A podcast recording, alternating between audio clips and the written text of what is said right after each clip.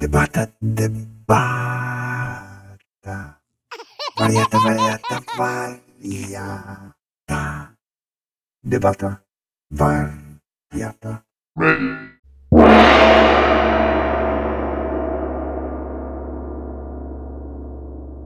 Cześć, tu Quidem.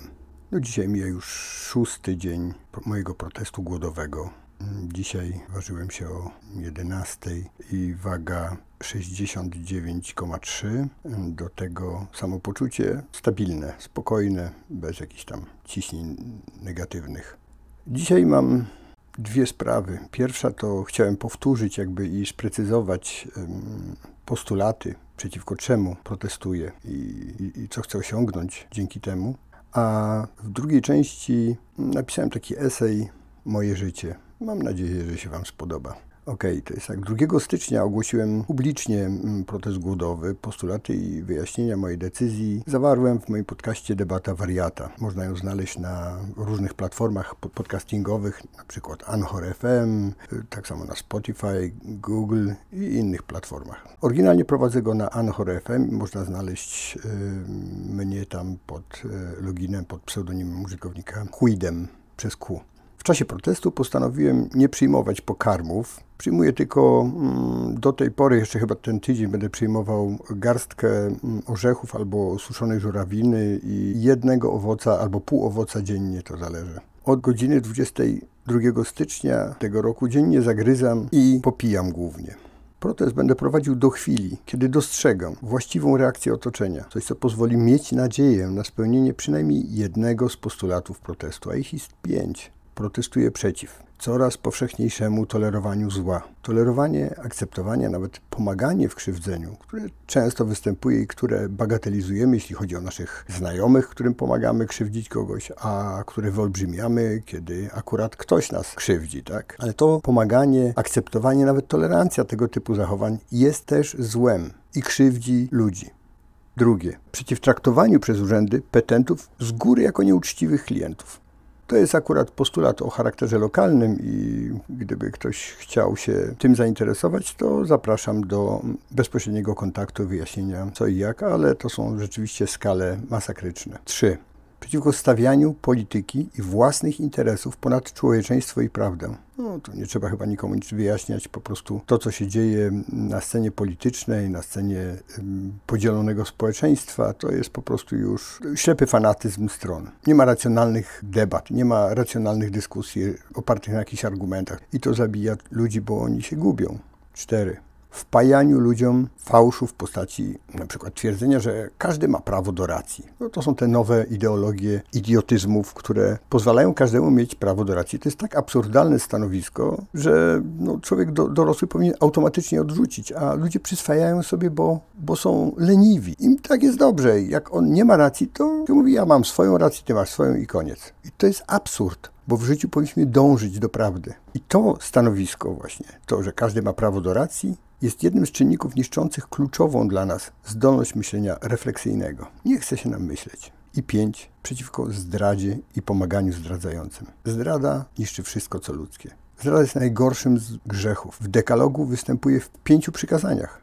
To jest tak poważne, że dziwię się ludziom, że potrafią oswoić się z wiedzą, że ktoś zdradza. Bądźcie asertywni. Pokazujcie innym, że zdrada jest zła. Nie akceptujcie, nie tolerujcie zdrady. Sam jestem ofiarą tego typu działań i to nie jednych, także wiem o czym mówię. Dziwne te postulaty, prawda? Takie jakby trochę kosmiczne, jakbym był nawiedzony. Nie, nie, nie jestem aż tak z głową w chmurach, żeby oczekiwać, że moje poświęcenie zatrzyma na przykład, nie wiem, raka zdrady.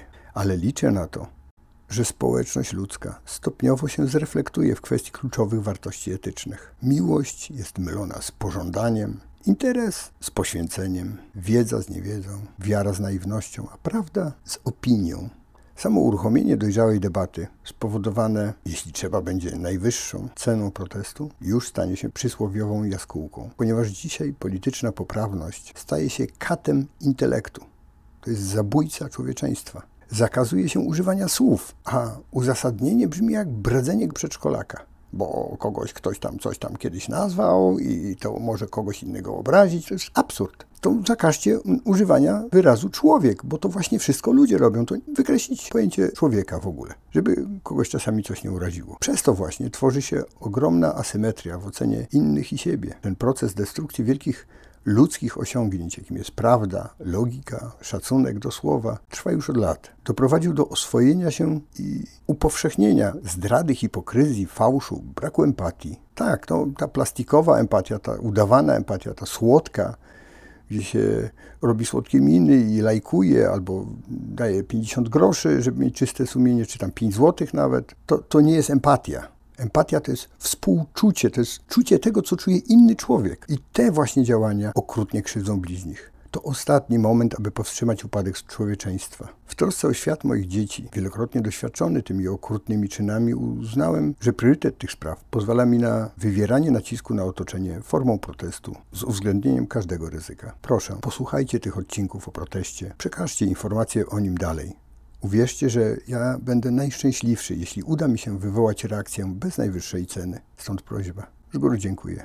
Chciałem też wyjaśnić jedną rzecz, która często jest mi sugerowana. No, ludzie, którzy mnie znają i znają moją historię, szczególnie ostatnich miesięcy i lat, wiedzą, jak ogromnym wstrząsem i dramatem było dla mnie rozstanie z moją kochaną, z moim wielutkiem. Cóż, to było dla mnie okropne przeżycie. I cierpię do dzisiaj i, i oczywiście modlę się o to, żeby wróciła. Ale ci ludzie nie zrozumieli. To nie Wiolut mnie skrzywdził. Ona była zmanipulowana i jej już wybaczyłem dawno. Po prostu tęsknię do niej. Ale dramat, który mnie z tego powodu spotkał, sposób w jaki się rozstała, zachowanie środowiska jej rodziny, było tak okrutne, bezlitosne i pozbawione sensu, że najpierw rzeczywiście rozważałem możliwość odebrania sobie życia. Tak, przyznaję. Były takie momenty krytyczne, ale jestem człowiekiem wiary i pewne dziwne, ja mówię cudowne wydarzenia spowodowały, że zrozumiałem, że to nie jest rozwiązanie, że nie należy z tego powodu robić takich rzeczy. Ale zrozumiałem też, że życie bez wielutka dla mnie jest pozbawione absolutnie sensu. Naprawdę. To nie jest jakieś dramatyzowanie czy wymyślanie. Po prostu tak jest. Boję się, że zmienię się w kogoś, kogo będę nienawidził, a tego nie chcę. Jednak to, co się stało między mną, miało kluczowy wpływ na moją decyzję i rozważania i podjęte kroki, ponieważ zrozumiałem, że główną przyczyną tego, co się między nami stało, jest zachowanie środowiska i otoczenia. Wszyscy albo nabierali wody w usta, albo coś tam knuli z boku. Małostkowość, hipokryzja, obłuda, oszustwo, nienawiść. To mnie dotknęło i zauważyłem, że wszyscy przechodzą do tego do porządku dziennego, nad tym do porządku dziennego. Wszyscy uważają, że to jest naturalne. Tak, tak już jest, stań iść dalej, trudno, zdarza się. Co to jest? Nie, nie zdarza się. Jeśli będziemy akceptować i tolerować, to się będzie zdarzać. Jeśli nie, to po jakimś czasie przestanie. Wszystko zależy od nas. To my jesteśmy twórcami tego świata. I dlatego protestuję. Kocham i myślę, że do końca będę kochał Wiolutka. To jest dobra dziewczyna, niezwykła, jedyna. To moja róża. Ale dopóki ktoś nie zrobi czegoś, nie postawi się. Ludzie nie mają wykrzyknika, znaku ostrzegawczego. Nie róbcie tak. Przyzwyczaili się do tego, że religia tak mówi. Przyzwyczaili się do tego, że oficjalnie tak się mówi. Bo jak się zapytacie wszystkich przed kamerami, to każdy oczywiście tak, to jest obrzydliwe, to jest oburzające, ale prywatnie nikt z nich nie wdraża tych opinii. To jest tylko postawa oficjalna, to jest hipokryzja. Sami się zdradzają, oszukują, sami knują przeciw sobie. I przeciwko temu właśnie, że ludzie tak łatwo akceptują zło, protestuje. A jeśli ten protest potrwa do skutku i dla mnie zakończy się czarnym scenariuszem, którego oczywiście nie chcę, bo wolałbym, żeby to się zmieniło jeszcze za mojego życia, to będę przynajmniej miał świadomość, że starałem się, zrobiłem wszystko. Od mojej działalności społecznej, od mojej działalności politycznej, poprzez moje utwory, moją działalność artystyczną, również prywatną, aż w końcu, widząc, że to wszystko nie ma wpływu na ludzi. Podjąłem taką decyzję. Może to, no ryzykuję, ale gra jest warta takiej ceny. Mam nadzieję, że już wszyscy rozumieją, że tu nie chodzi o wielu. Owszem, jeśli przyjdzie, powiedzcie jej, proszę, zawiadomcie ją, żeby chociaż towarzyszyła mi przez ten proces. Było mi miło, ale i tak mam w sercu. To tyle. Jak macie wątpliwości, to piszcie quidem przez q quidem.art odpowiem. Bądźcie szczęśliwi i uczciwi. Cześć. Moje życie. Esej. Moje życie z mojego punktu widzenia, oczywiście, bo żaden inny nie jest tu istotny, było zadziwiające. Długo szukałem tego przymiotnika. Zadziwiające to doskonałe znalezisko. Jest w nim trochę zachwytu, bólu, wesołości, smutku i szczęścia. I takie było moje życie, moi kochani. Dzieciństwo rodem ze szlachetnych slumsów robotniczych XIX-wiecznego Londynu, przeskalowanych na socjalistyczne nieskończoności absurdu i hipokryzji, było pełne dzikości, ciekawości, wyobraźni, doświadczenia i miłości.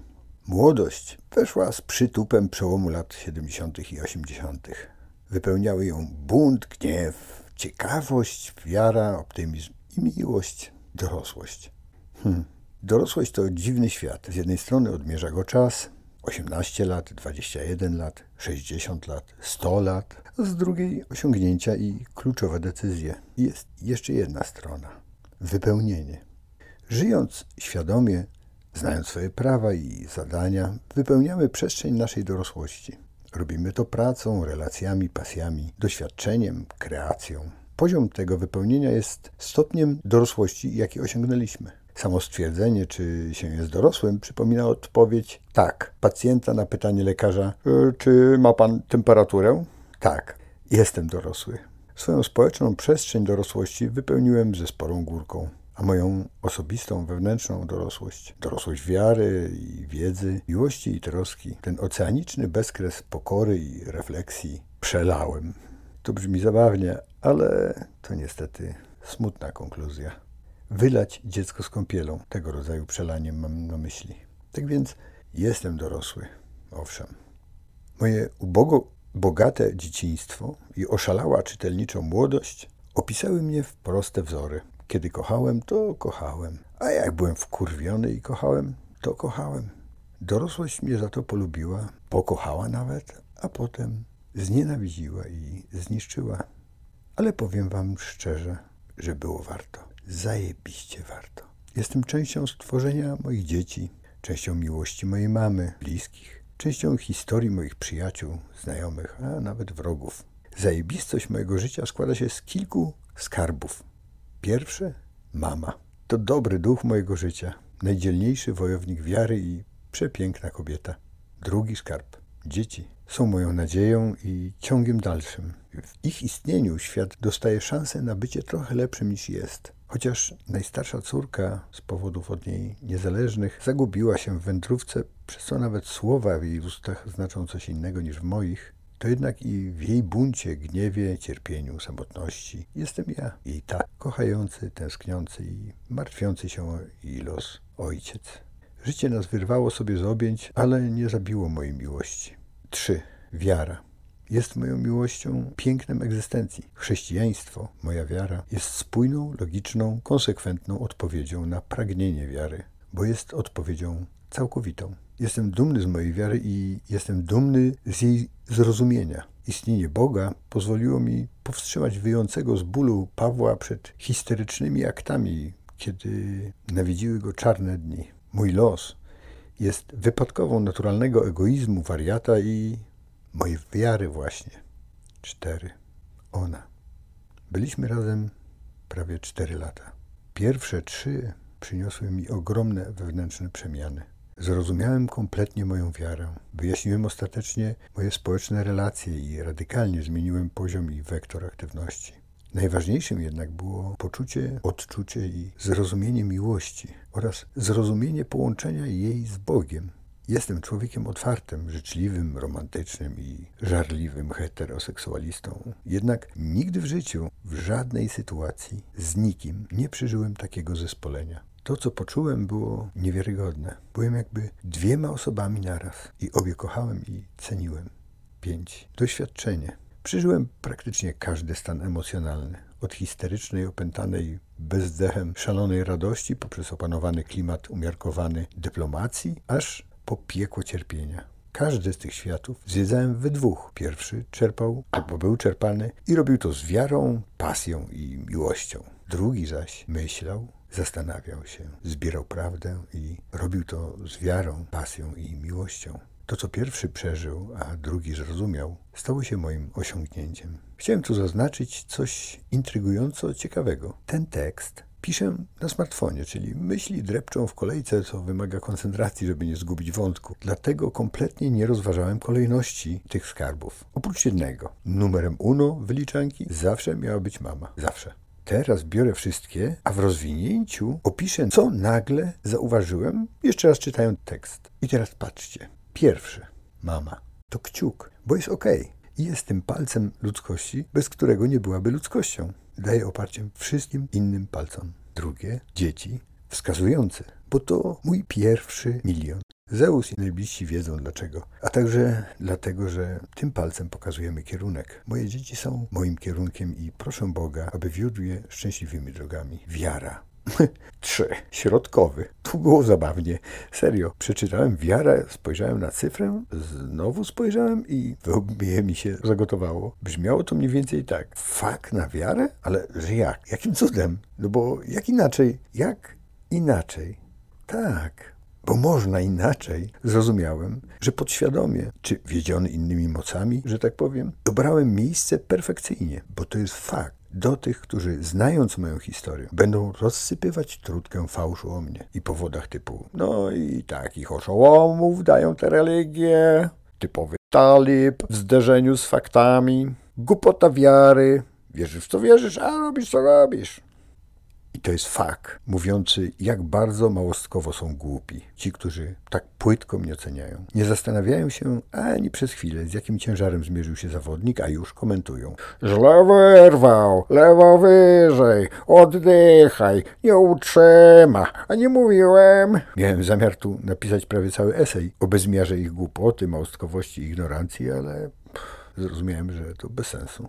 Oni kompletnie tego nie zrozumieją, właśnie dlatego, że w naszych słownikach słowa mają zupełnie różne definicje. Dlatego wyjaśniam tylko, że to fakt mojej niezłomnej, świadomej wiary wobec ich fanatycznej ignorancji. I cztery. Serdeczne.